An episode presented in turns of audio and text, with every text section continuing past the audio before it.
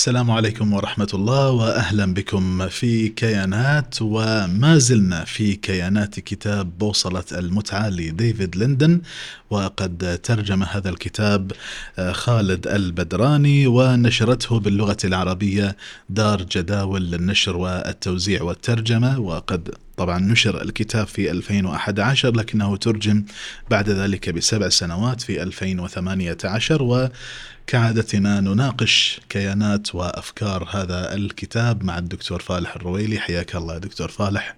مساك الله بالخير. مساك الله بالنور واهلا وسهلا. حياك الله. ونحن الآن طبعا في آه، الحلقة الثانية من هذا الكتاب وحلقة اليوم تتحدث عن آه، شيء معين يرتبط بما تكلمنا عنه في الحلقة السابقة يعني مرتبط بمسألة الدوبامين والشعور باللذة والمتعة.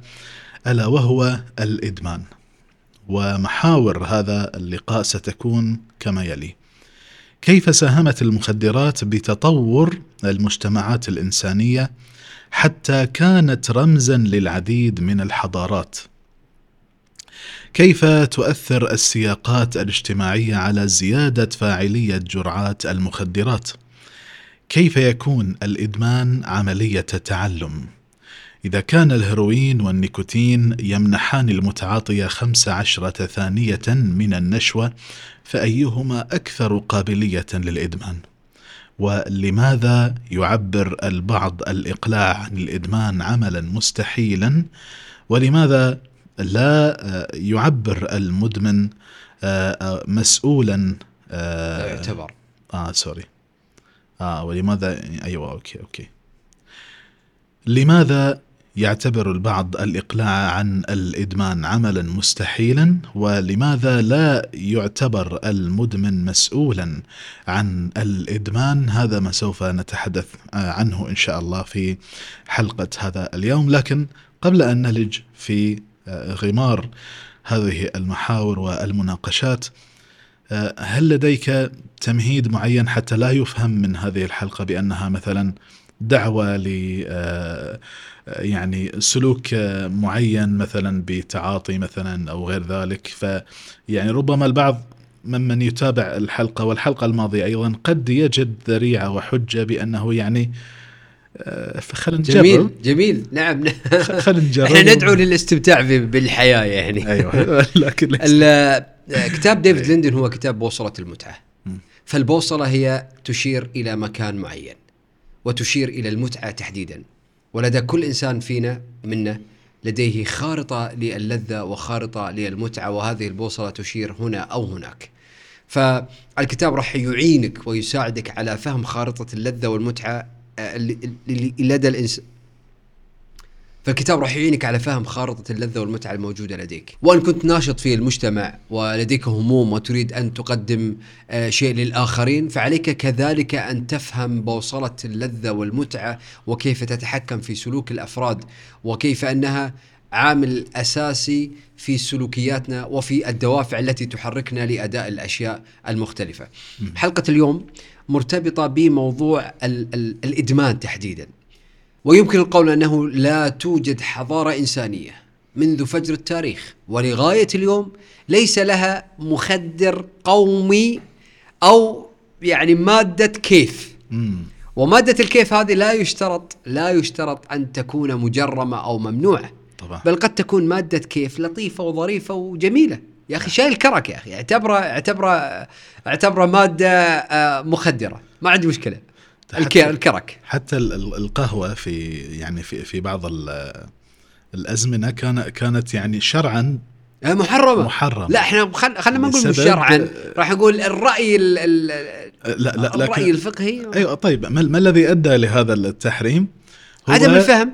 عدم عدم الفهم لشعور المتعة الذي يعني يحصل أيوة عليه الانتاب اللي ياخذ القهوة. أيوه. أنت الحين ضربتني أنا قاعد أشجع وايد الكرك وانت قاعد تأيد القهوة. كلها منبهات يعني هذا في يعني. صراع بيننا بيصير معناته يعني. كلها منبهات في النهاية. طيب آه يعني هذا ما دفع ديفيد لندن في الكتاب أن آه، يستشهد بمقولة الكاتب الأمريكي آه، الشغوف بالمخدرات ويليام آه، بوروز آه، معبرا عن هذه الفكرة. يقول إن مخدرنا القومي بين قوسين هو الكحول. فنحن نرى في استخدام أي مخدر آخر رعبا شديدا هنا هل نفهم من ذلك أن يعني آه، الإنسان عدو ما يجهل فلذلك هم لم ينتقلوا إلى يعني آه، مخدرات فيجعلوها قومية مخدرات أخرى أم أنهم يعني آه، هذه مسألة تتعلق في أن لكل حضارة ما يعني يخصها كما تفضلت قبل السؤال. آه، ديفيد ليندن أعطى مقدمة لطيفة جدا وجميلة في علاقة الإنسان مع أنواع المخدرات ال- الكثيرة واللي بدأت كما ذكرت قبل قليل منذ فجر التاريخ الإنساني. أكثر من ذلك يا أخي لوحظ حتى في متابعة عالم الحيوان أن هناك حيوانات تقوم متعمدة بأكل بعض أنواع الفطريات أو بعض المواد أو النباتات اللي تؤدي إلى إلى اللي تعطي كيف الحيوانات نعم الحيوانات. وهي حيوانات وتروح تدور على الكيف. فمسألة الكيف وبحث الإنسان عن الكيف قديمة ترى. وحتى أن هناك بعض المتصوفة اللي اشتهر عنهم تعاطي الحشيشة والقنب والخشخاش. آه، وكان عندهم الزوايا كلها تقوم على فكرة التعاطي من أولها لآخرها. وإحنا عندنا ممثل آه، أو المطرب الشهير بوب مارلي. بوب مارلي عنده أغنية كاملة اسمها آه، حتى أنا س... س... أنا سمعت الأغنية وواضح إنه مسجلها وهو متعاطي. ماخذ له حشيشة ورايح فيها. واصل فوق آه،. أظن آه، جنجا جان شيء شيء من هالقبيل يعني. تسمعه وهو يغنيها تقول واضح إنه معطيها يعني. معطيها حنان. ف آه، مثلا الأفيون اللي هو يستخرج من الخشخاش كان متوفرا في روما أيام الإمبراطورية الرومانية وإحنا نتكلم عن 170 قبل الميلاد. وكانت نبتة الخشخاش رمزا للإمبراطورية الرومانية. رمزهم رمزهم. الإمبراطورية الرمز مالهم الخشخاش. مخدرات. عجيب. اي نعم. آه، في سجلات أثرية إلى آه، يعني تتكلم عن آه، الأفيون في بلاد ما بين النهرين تقريبا 3000 قبل الميلاد. بل كانوا الأطباء آه، في مصر القديمة أيام الفراعنة. كانوا يتعاملون مع آه، بعض المواد ال- المخدرة وكانوا يصفونها للأطفال. وإحنا نتكلم عن تقريبا 100 آه، 1552 قبل الميلاد. نعم. يعني وين ما تروح تقلبها يمين تقلبها يسار تقول يعني ممارسات دينية تقول طبية تقول زوايا تعبد وعبادة راح تلاقي المخدرات موجودة بشكل أو بآخر قبل أن تظهر تشريعات أخرى أو قبل معرفة الأثر. لأن أحيانا لما تظهر عندك النبتة أو المادة ما راح تدرك أن هي فيها خطر كبير أو أنها تؤدي إلى إلى ما تؤدي إليه. فتحتاج إلى فترة طويلة عشان تدرك هذا الشيء. على ذكر الأطفال يعني ذ- إيه. ذكرتنا بما أشيع مؤخرا بأنه يعني بعض الممارسات القديمة يعني وربما حتى ما زالت في بعض ال- البيوت أنه عندما يعني يجدون من الطفل يعني فرط حركة أو حتى يعني آه، بكاء شديد فيعني يعطونه شيء اسمه ما- ماي غريب أيوه أيوه يعني جميل. بال- بالإنجليزي يعني gripe water أو شيء يعني أيوه عشان تخدر الولد ويروح يروح. فيها أيوة. ف فلذلك علاقة علاقة البشرية مع الأنواع المواد المخدرة ككل والنباتات وغيرها هي علاقة وطيدة منذ قدم التاريخ ولغاية اليوم. حتى أن ترى التشريعات القانونية تتغير من حين إلى آخر. الآن في عندك في أوروبا بعض المناطق وبعض الحدائق مسموح فيها للمتعاطين بتعاطي المخدرات. وفي بعض أنواع الحشيشة أصبحت يتم التعامل معها كالتعامل مع السجاير. يعني تروح تشتريها. وفي بعض الولايات الأمريكية. ولعلنا شفنا إيلون ماس آه، إيلون ماسك آه، في أحد البرامج ال- ال- البودكاست اللي أعطي سيجارة حشيشة. فالولاية اللي كان فيها البرنامج غير ما تجرب الحشيشة فأعطاها. اعطاها وراح فيها. يعني و... ولهذا ال- ال- الموضوع في في آه، في جوانب عديدة وزوايا كثيرة عليك أن تطرقها في في ارتباط اقتصادي وارتباط اجتماعي وغيرها. أنت كإنسان مسلم الآن عندك مجموعة من الثوابت اللي والنصوص اللي تبين لك ما هو حلال وما هو حرام ومدى حدود الاستخدام ومتى يصبح آه، آه، مطلوب أو مندوب أو محرم أو مكروه فهذه لها لها لها جوانبها وتشريعاتها اللي تدخل فيها. ولكن إحنا نع- نعرف أنه ما أسكر كثيره فقليله حرام ولا ضرر ولا ضرار. فكل مادة وهذا ما أتكلم عن الشيء المعروف اللي خلاص مثبت علميا ومنتهين منه. مع المستقبل راح تطلع عندك مواد لا شك. فكيف تقيسها؟ تروح تعطيها لأهل الاختصاص هم يطلعون لك التشريعات عليها. حتى لا نطير في في هذه القصة وهذا الموضوع. اللي يهمنا في هذا الكتاب أن نشير إلى مسألة مهمة جدا وهي أن أي شعور بالمتعة وباللذة مرتبط بالدوبامين. نقطة من أول السطر. فأي مادة يتم تعاطيها تعطيك شعور باللذة؟ دوبامين. خلصنا. قضينا.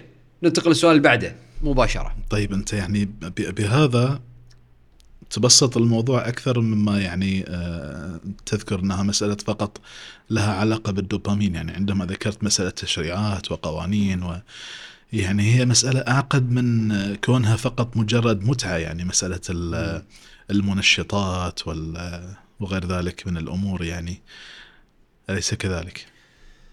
آه نعم آه إحنا قاعدين نقدمها في برنامج ونشرح بعض الأفكار ويمكن العودة إلى الكتاب. فالدخول في معمعة أنت تتذكر الحلقة الماضية لما لما كان عندك مقطع تقرأ لي كيف يشعر الإنسان باللذة وارتباطه بالدوبامين وفي الدماغ والحويصلات وكيف يفرز؟ شفت الموضوع كي- كيف هو معقد؟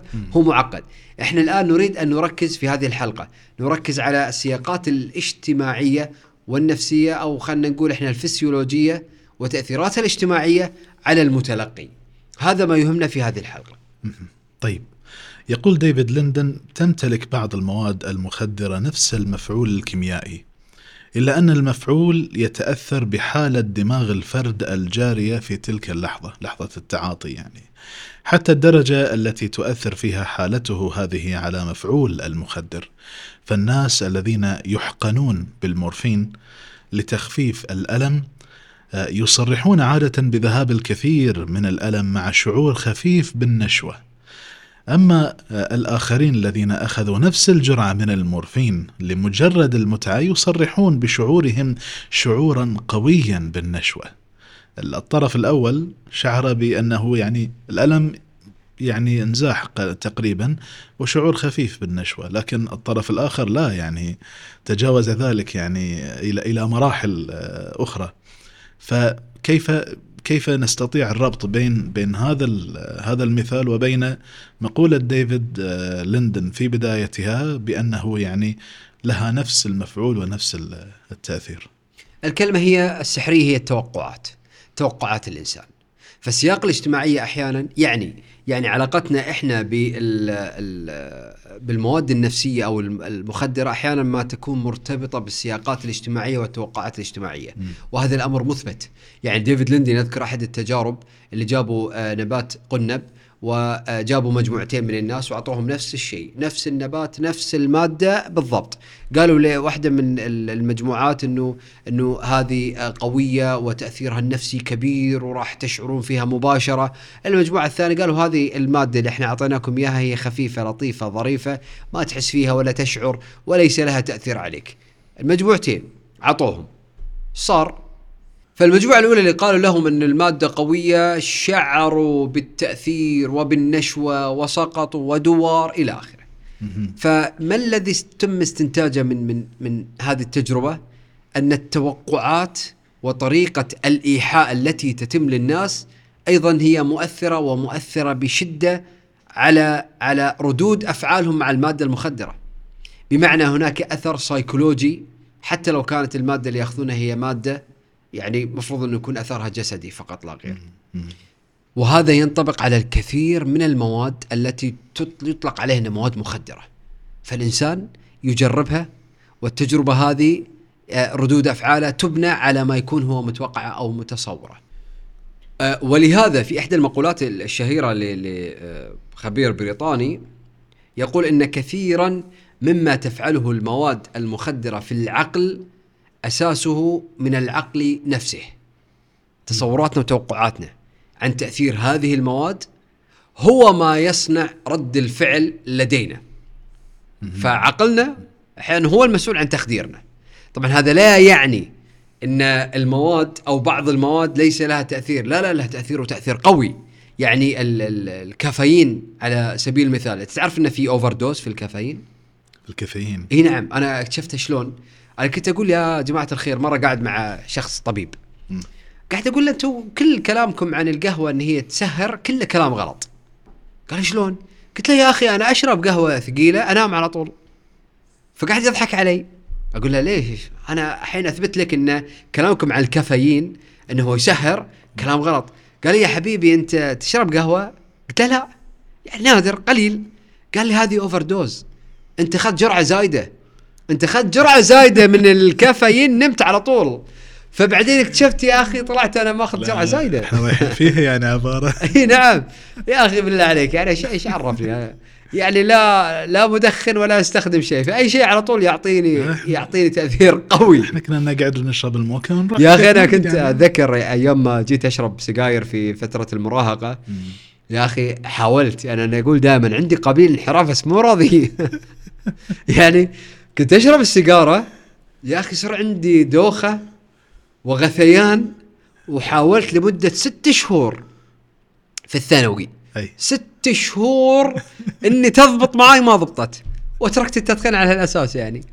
فما يعني ما أثر علي الكلام اللي قال. خلاص ما مو قادر. خلاص. فشلت التجربة إيه. خلاص. يعني أنا أرقد من جرعة كافيين overdose شلون الأمور الثانية؟ فهذا يعني ناكد الفكرة التالية أن المواد المخدرة مختلفة ومنوعة. منها المهلوسة منها ذات التأثير النفسي منها ذات التأثير على المزاج. تخلي مزاجك فوق أو تحت. الحشيشة تؤثر على المزاج. إذا كنت أنت راعي كيف و... أو أنت كثير الضحك وبسوم بتصير كثير الضحك وبسوم. إذا كنت أنت نكدي بتنكد على خل... اللي خلفوك في الجلسة كلها. فهذا تأثير ال... على على الأمزجة.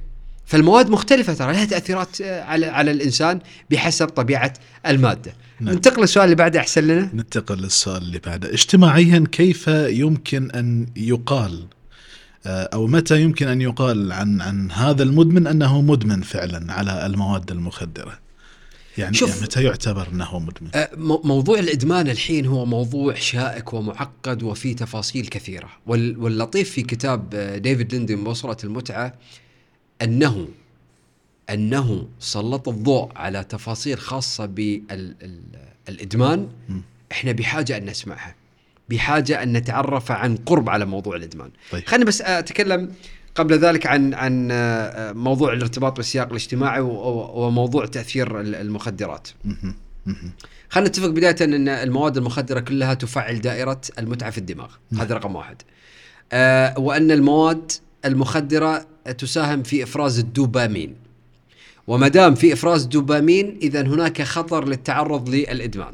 في دراسة في الولايات المتحدة الأمريكية عن المدمنين اللي يذكرها ديفيد ليندن هو تكون أمريكي أصلا أن حقن الهيروين اللي تعرضوا أو أعطوا حقن هيروين اللي أدمنوا فيهم كان نسبتهم 35% مدمني الكوكايين 22% يتعاطون كوكايين صار عندهم إدمان. متعاطي الحشيش 8% اللي هو أقل شيء. الكحول 4% بمعنى مو كل من شرب الكحول صار مدمن. 4% تقريبا نسبة ال- المدمنين. ال- ال- الملفت للنظر في إحصائيات التبغ والتدخين. فوجد أن 80% من اللي يتعاطون التبغ يتعرضون للادمان 80% وهذه النسبة يعني أكثر من الهيروين نفسه فما التفسير؟ طبعا يذكر ديفيد ليندن عدة أسباب ليش المدمنين على التدخين أكثر من بقية المواد مم. المخدرة؟ ليش؟ لأن أول شيء هو آه، مجاز قانونا شركات التبغ حبيبي شركات مليارية. والقوانين والتشريعات دعمتها. حط على ال- القوطي سجاير صورة رئة محترقة حط على ال ماني عارف إيش كذا. جمجمة ولا جمجمة. آه، حبيبي هذا هذا كل آه، ما يأكل عيش. ما دام هي مقننة وموجودة ومتاحة فمعناته هي ممكن أن تنتشر. بينما المجرم والمتابع ما يقدر أي إنسان يصل إليه. فلذلك تكون نسب الإدمان أقل.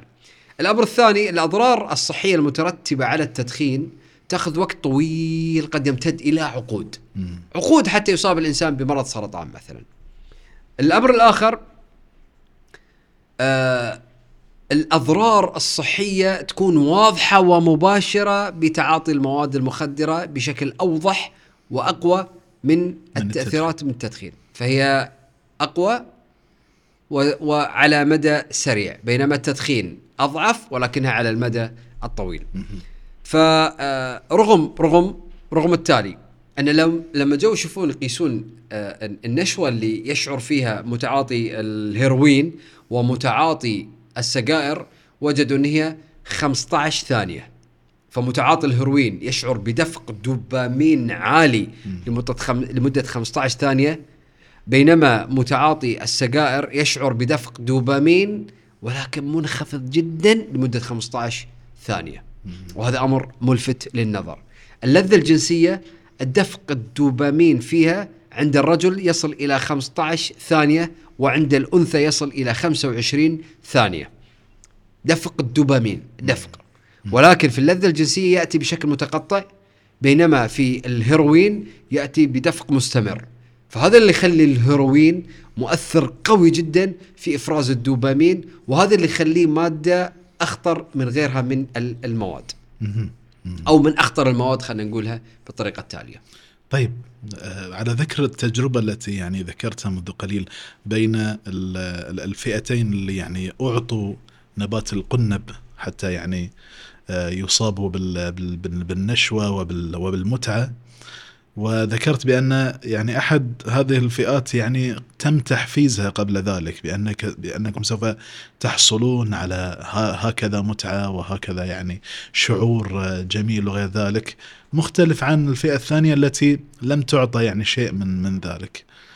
فهذا يذكرنا بتأثير ال- الدعايات أساسا على المنتجات يعني ليس فقط التدخين وإنما حتى يعني المنتجات الأخرى.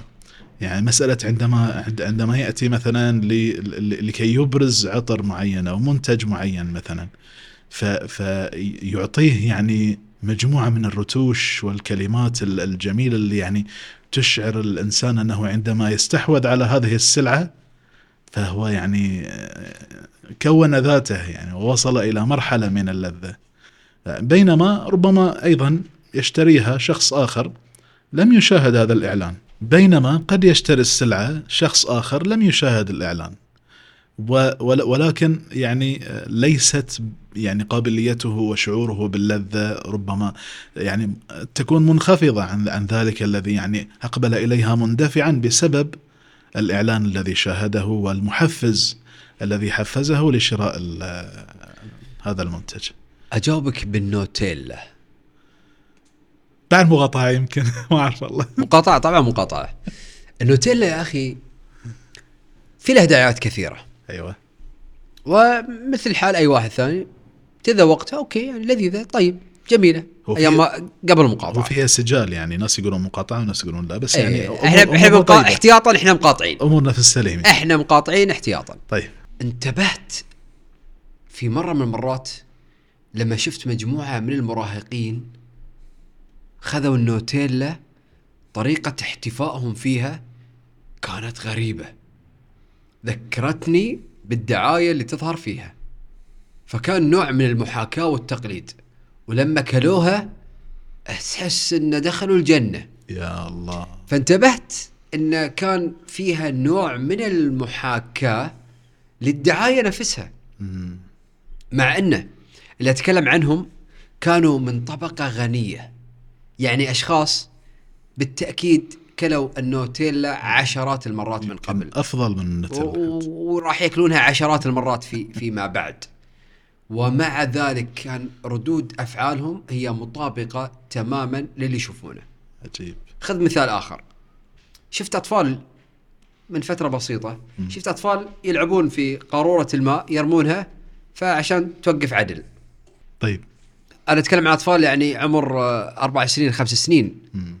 فلما رماها واحد ووقفت بشكل حلو بالضبط نفس المشهد اللي يطلع أحيانا على التيك توك. فهناك نوع من المحاكاة. التصورات أصبحت وردود ردود الأفعال. يا أخي رد فعلك على أكلك للنوتيلا. هو نفس اللي طالع في الدعاية اللي فيها نوع من المبالغة والابتذال الشديد. واحد كل نوتيلا غمض عينه ودخل في عالم أحلام ودخل الجنة مباشرة. وأنت في العالم الواقعي تحاكي رد الفعل بنفس الطريقة شيء مرعب. فنعم هذا ينطبق بردود الأفعال على كل شيء حتى في تعاطينا وحتى في تعاملنا مع اللذة بحد ذاتها. اذا الإدمان آه، دكتور يرتبط بسرعة المفعول وبالمكافأة التي يحصل عليها الدماغ من ال- الدوبامين أليس كذلك؟ نعم صحيح. آه، ديفيد ليندن يؤكد على هذه النقطة لماذا حجم المدمنين على التبغ أو التدخين أعلى من الهيروين. فذكر مثال سماه مثال ال- الكلب قال لو أتيت بكلب وأعطيته قطعة لحم كبيرة مرة واحدة خلال اليوم. مدى بيتم تعلمه وإدمانه على قطع اللحم لو كنت تعطيه القطعة هذه قسمتها وصرت تعطيه منها كل 15 دقيقة. أيهما سيكون رابط تعلم ومستمر على طول؟ أبو 15 دقيقة. طبعا. ولهذا لأن السيجارة صح تعطيك جرعة ودفق دوبامين منخفض وبسيط ولكنه مستمر خلال اليوم. عادة المدخنين ممكن يخلصون باكيت سجاير واحد كامل خلال اليوم. السيجارة الواحدة الباكيت الواحد فيه 20 سيجارة. نعم. السيجارة على الأقل على الأقل تأخذها في عشر جرعات. إذا اعتبرنا السيجارة بتأخذها في عشر جرعات. مم. فإحنا نتكلم عن 20 في 10 هذه 200 في 200 حركة خلال اليوم أو 200 مرة يحصل على دفق الدوبامين، إذا صار عنده ارتباط تعلم مع السيجارة وهذا اللي يؤدي إلى الإدمان، فهو دوبامين وتعلم. وهذه الإشكالية الرئيسية في المواد التي يتم الإدمان عليها، تعطيك دفق ودفق مستمر خلال اليوم.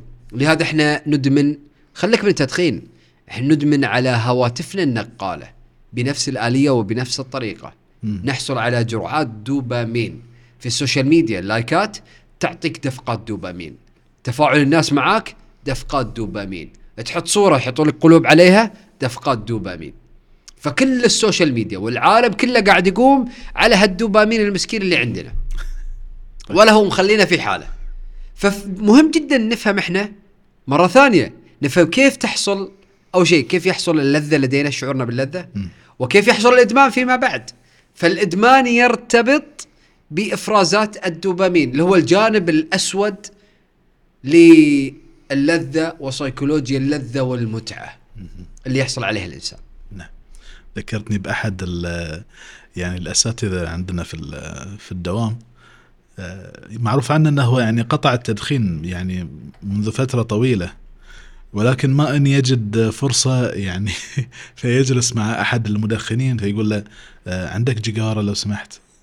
فهو ظاهر أنه قاطع شراء التدخين وليس أيوة. التدخين. هذا قطعا قاطع شراء التدخين نعم. مو قاطع التدخين نفسه. طيب.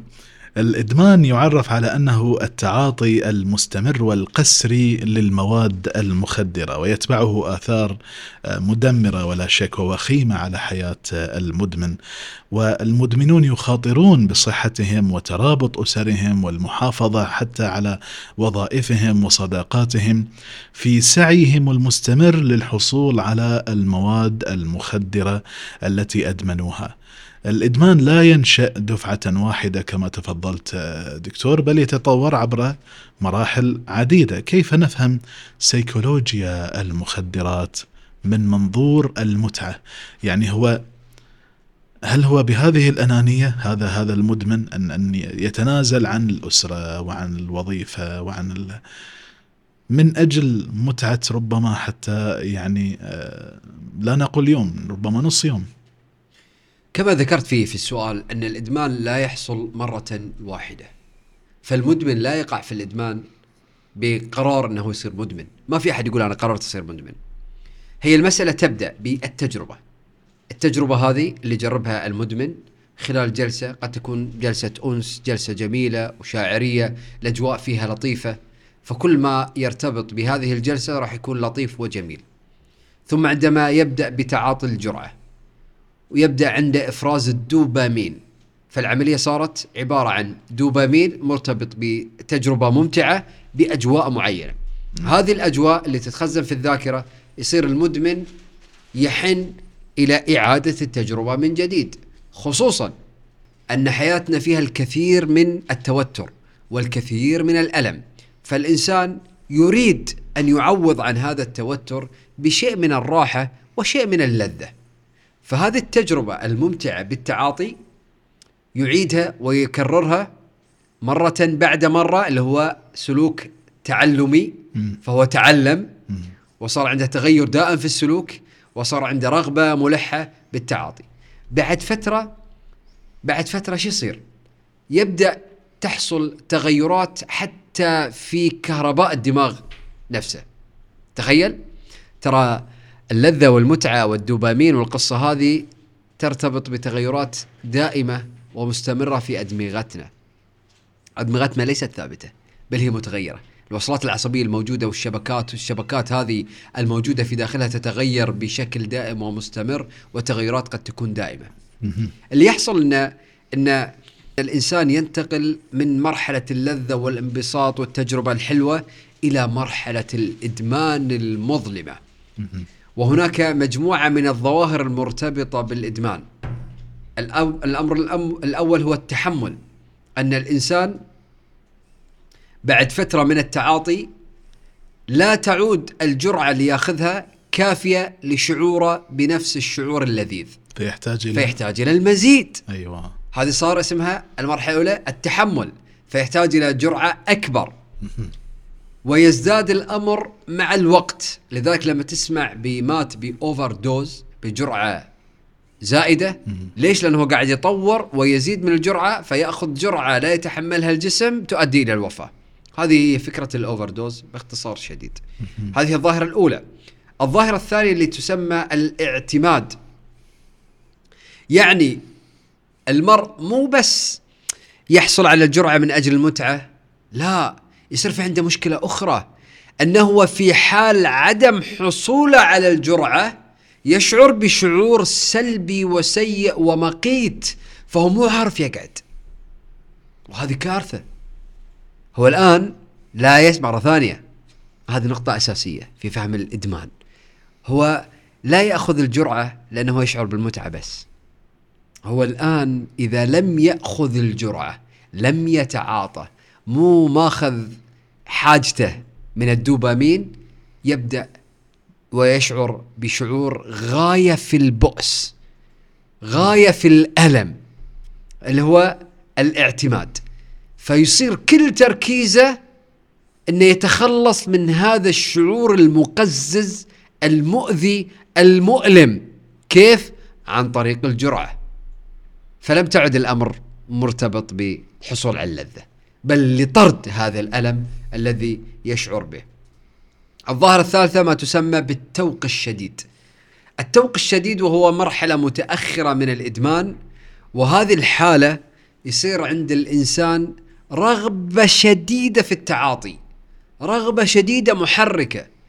وهذه ترتبط بكل ال- ال- الذكريات الخاصة بعملية الإدمان. فهو قد يرى شخص يتذكر إنه لازم يأخذ الجرعة. قد يرى مكان فيتذكر إنه لازم ياخذ الجرعة. فأي شيء مرتبط ويذكره بالجرعة وهو تقريبا كل شيء راح يذكره بالجرعة فيصير عنده توق شديد لهذا المدمن لا يملك. لما نقول إحنا قسري الرغبة القسرية الشديدة للتعاطي هي مسألة خارج نطاق سيطرة الإنسان.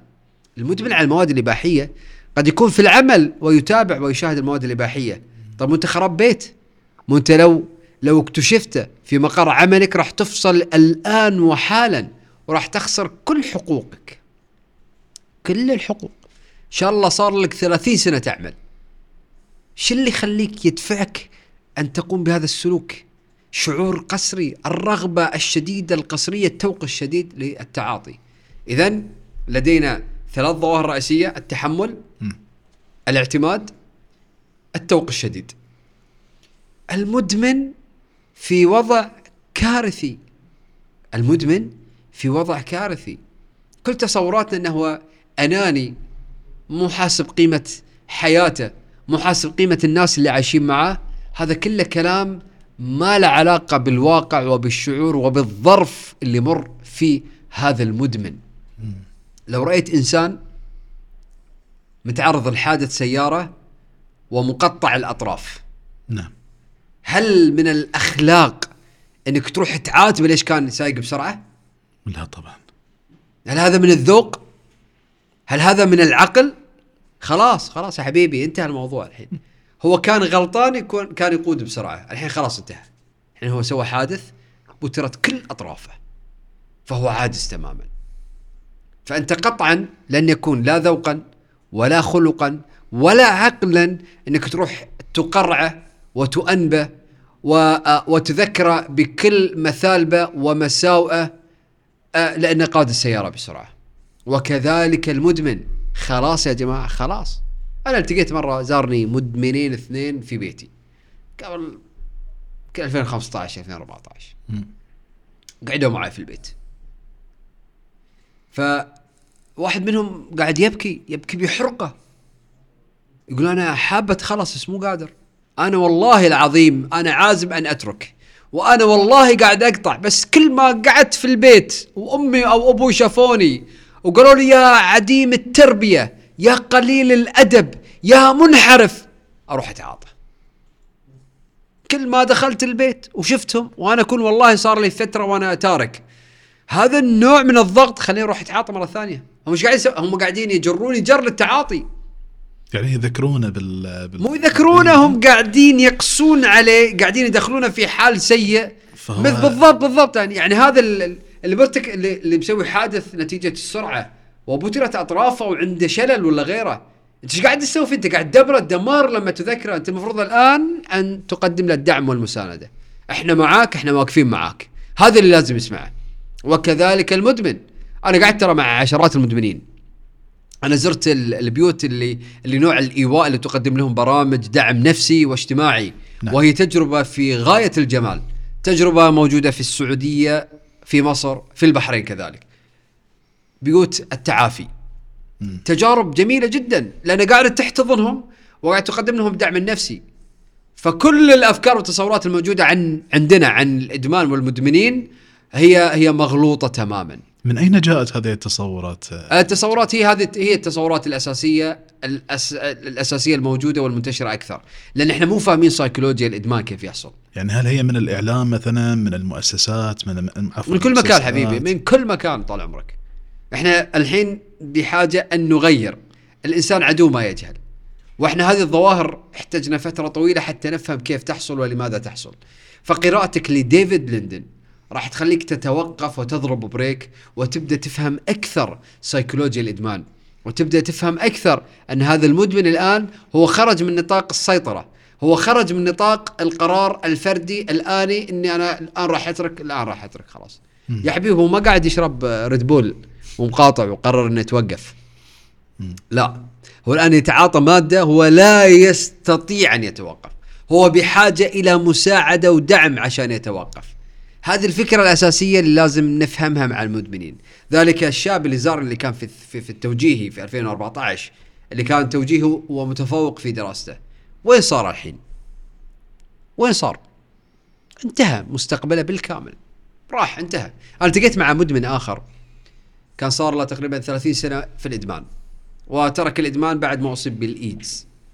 ولكن اللي صار معاه في في على مدار ال 30 سنة هي تجارب مؤلمة وقاسية وشنيعة وشديدة من تخلي الأهل وتخلي المجتمع وتعامل كل المؤسسات اللي موجودة على انه هو إنسان على انه هو عبارة عن فيروس يجب يجب, استئصاله. وهذا خطأ كارثي في التعامل مع المدمنين. علينا أن ندرك ونفهم أنه مثل المصاب بمرض مزمن ونتعامل معه على هذا الأساس. ربما يعني هذه هي لغة الخطاب أيضا يعني ليس فقط في بعض ال ال الأعمال ال ال الإعلامية من من دراما وغيرها وحتى يعني أيضا ال ال الخطاب الذي يكون على المنابر آه، يعني آه، خطاب الوعظ والإرشاد الديني أحيانا يأخذ منحى عكسي. نعم و... ولهذا نقول علينا ان أن نفهم كل ظاهرة من الظواهر الاجتماعية وأن ندرسها بشكل جيد وأن نعود للمختصين على الأقل حتى نفهم كيف حصلت الظاهرة ثم نأخذ منهم التوجيهات والنصائح لطريقة التعامل مع هذه الظواهر وطريقة التعامل مع الأشخاص الذين وقعوا في براثن هذا النوع من الظواهر والإشكاليات بما فيها الإدمان. طيب ديفيد ليندن يعني آه، يتكلم عن المرحلة التي بعد مسألة الإدمان فيقول تشير الأدلة المتراكمة أن الشعور الممتع يزول تدريجيا في اللحظة التي يصاب فيها المرء بالإدمان ل- لتستبدل في النهاية ال- ال- في نهاية الأمر شعور ال- ال- الإدمان بشعور الفقدان وليس الشعور الممتع الذي يزول آه، يعني بل بل يؤثر الإدمان على دائرة المتعة داخل الدماغ يقول التي تؤثر بدورها على النشاطات الأخرى الممتعة للإنسان كالجنس وتناول الطعام وممارسة الرياضة وبالتالي هنا السؤال آه، هل الإقلاع عن الإدمان يعتبر امرا مستحيلا؟ يمكن أن يكون مستحيلا عندما نتخلى عن المدمن وعندما نضغط عليه وعندما نؤذيه اجتماعيا ونفسيا. نعم راح يكون شبه مستحيل. لأن المدمن مثل المصاب بمرض ومرض مزمن فهو يحتاج الدعم النفسي ويحتاج الدعم الاجتماعي. يحتاج أن تقف معه أسرته. يحتاج أن يقف معه المجتمع. المدمن ترى يصبح إنسان حساس شديد الح... مفرط الحساسية. فكل كلمة أو نظرة ممكن أن تؤذيه. وهذا الأذى يتسبب بإجهاد نفسي. الإجهاد النفسي يقوده إلى ماذا؟ انه يروح يدمن ويتعاطى مرة ثانية وثالثة ورابعة ويدخل في هذه الدوامة من حين إلى آخر. لذلك أفضل طريقة للتعامل مع المدمن ولمساعدة المدمن أن نعرفه ونعلمه كيف يتعامل مع ضغوطات الحياة كيف يتعامل مع الإجهاد النفسي. لهذا مرة استضافوني إحدى الجامعات العراقية اونلاين استضافوني الحديث عن الإدمان. فهم توقعوا مني ان أعطيهم عن المواد المخدرة وأنواعها وأشكالها مثل ما يحصل دائما في المحاضرات اللي كانت تروح في المدارس.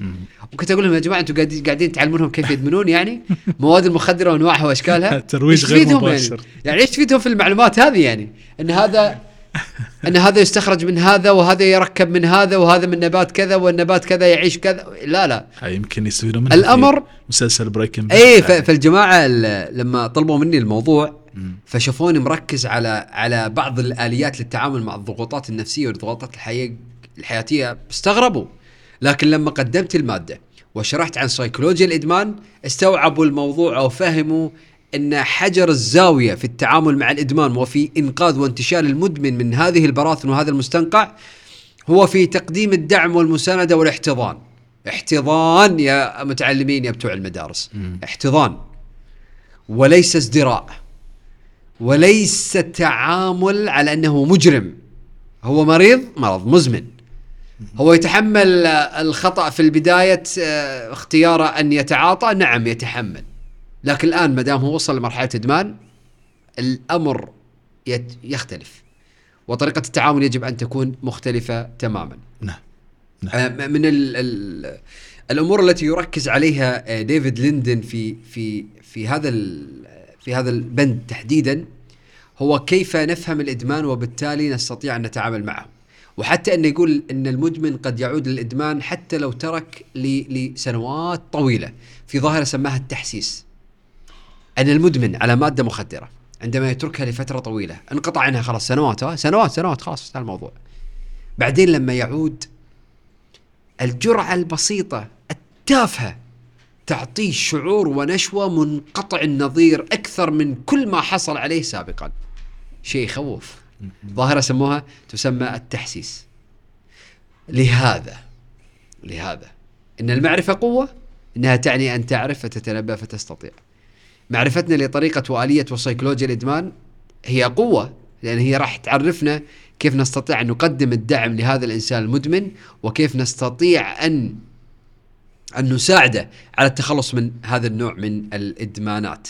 لأن الإدمان يؤدي إلى تأثير دائم في الدماغ وهذا التأثير الدائم يتطلب من الإنسان مجهودات جبارة وضخمة على مستوى الفردي وعلى مستوى المحيطين به حتى يستطيع أن يتخلص من كل هذا المستنقع اللي هو دخل فيه.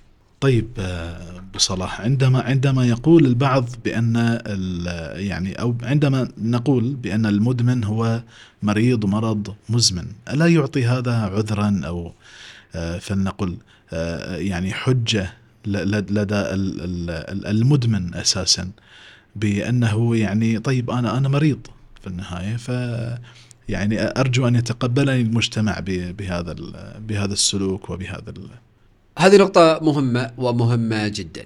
نحن لا نريد للمدمن أن يجد المبرر والعذر، وبالمناسبة أحد الأسباب الرئيسية التي تجعل المدمن يبقى على إدمانه وتعاطيه هو التبرير والمسوغات النفسية والألاعيب النفسية اللي يسويها مع نفسه اللي هو ليش أنت مدمن؟ لأن المجتمع رافضني، ليش أنت مدمن؟ لأن أهلي طردوني، ليش أنت مدمن؟ لأن الحياة قاسية. مظلومية مظلومية أيوه نعم. ففي فرق لما نقول أنت مريض وتتحمل مسؤولية شفائك من هذا المرض. لأن هناك جزء من الحرية التي تمتلكها. كمجتمع علينا أن نفهم سيكولوجيا الإدمان حتى نستطيع أن نتعامل معها ونفهم كيف نقدم الدعم والمدمن كذلك يجب أن يكون متيقن يقين تام أن الشخص المسؤول الأول عن إدمانه وعن ما يمر به وعن ما يمر به وعن المرض على اعتبار أن الإدمان مرض هو أنت أيها المدمن. أنت اللي عليك تتخلص من إدمانك. فأنت رقم واحد. إحنا بعدين نأتي رقم اثنين وثلاثة وخمسة وعشرة. فعليك أن تبدأ بنفسك وأن تعزم وأن تكون موقن أن التغيير يبدأ بالذات قبل أن يبدأ بالآخرين. والتجارب اللي شفتها في بيوت التعافي أنها تحاول أن تركز على تغيير أفكار ومسلمات المدمنين وإزالة كل ما له علاقة بالحساسية النفسية الشديدة وبعقد التبرير والمظلومية والتسويغ و... وايجاد إيجاد الثغرات من أجل الإدمان مرة ثانية وثالثة ورابعة. فعندما نتحدث عن عن عن موضوع الإدمان ونشرح عن كيف إن التغيير آه، في الدماغ هو تغيير دائم فنقول لك كما استطعت أن تحدث تغييرات دائمة في دماغك. نتيجة الإدمان فأنت تستطيع لا أن تعيد العجلة إلى الوراء ولكن تستطيع أن تقوم بتغييرات جديدة في دماغك تساعدك على تغيير تغيير الوصلات العصبية الموجودة والتغييرات الدائمة الموجودة في دائرة المتعة في الدماغ. تستطيع أن تغيرها وتحدث فيها آه نقلة كبيرة. وهذا ما يركز عليه ديفيد ليندن في الكتاب. أن من خلال بعض الممارسات الذاتية مثل التأمل مثل التأمل مثل الصلاة مثل آه، آه، بعض الممارسات الروحانية التي يقوم بها الإنسان ويستطيع أن يعزز فيها على الأقل داخله ويقوي نفسه روحانيا داخليا. هذه الممارسات من شأنها أن تحدث تغيرات دائمة في الدماغ. سبحان جميل. الله. جميل. فتغييرات الإدمان ليست نهاية المطاف والإدمان ليس نهاية طريق بل هو قد يكون أحيانا بداية إلى تجربة وإلى صفحة أخرى جديدة يستطيع فيها الإنسان أن يبدأ من جديد وأن يعيش الحياة بطريقة جديدة. عبد الله رحمة الله عليه اللي ذكرته قبل قليل نعم اللي ادمن أكثر من 30 سنة. هو ترك الإدمان في عمر الخمسين بعد أن أصيب بمرض الإيدز وبدأ في مسار آخر في حياته. بدأ بالالتقاء بالشباب اللي تعاطون. ويذهب إلى مناطقهم وإلى أوكارهم ويجلس معهم وينصحهم. وبالله عليك لو أنا أو انت قعدنا ننصح فيهم من هني لبكرة هل راح يكون تأثيرنا مثل تأثير عبد الله رحمة الله عليه اللي كان يقعد معاهم ويلف فيهم؟ لا طبعاً. ابدا. فعبد الله اختار في النهاية كان لديه القدرة على الاختيار أن يغير الطريق باتجاه آخر وأن يساعد غيره. ولذلك الذكرى الموجودة عن عبد الله في الوقت الحالي. ليست ذكرى أنه هو كان مدمن بل ذكرى أنه هو كان ناجي واستطاع أن يقدم الخير وأن ينتشل غيره من الشباب من براثن الادمان. ومن من مثل هذه الملتقيات أنت تعرفت عليه شخصيا بالضبط دكتور. تماما أنا التقيت معه أصلا في مؤتمر ل آه، قامته الأمم المتحدة في طريقة التعامل مع المصابين بالإيدز هناك التقيت فيه أنا أصلا نعم.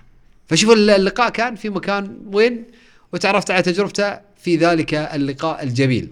هو توفي من عدة سنوات رحمة الله عليه. عليه مضاعفات الإصابة بالإيدز. نسأل الله له الرحمة والمغفرة ويعني بهذا نكون وصلنا إلى نهاية هذه الحلقة حلقة حقيقة جميلة. ويعني بالنسبة لي تعرفت على كثير من الأمور التي يعني كانت لا أقول يعني غائبة ولكن كانت موجودة بشكل مغلوط بسبب يعني بعض ال- فلنقل بعض الأفكار، بعض التصورات التي ساهمت آه، يعني آه، عوامل أخرى بصياغتها وبوضعها كمفاهيم فأصبحت الآن بشكل واضح وربما حتى تتضح الصورة أكثر بقراءة الكتاب شكرا لك أبو صلاح وشكرا لمتابعينا الكرام. نلقاكم في كيانات أخرى وكتاب آخر. إلى اللقاء والسلام عليكم ورحمة الله.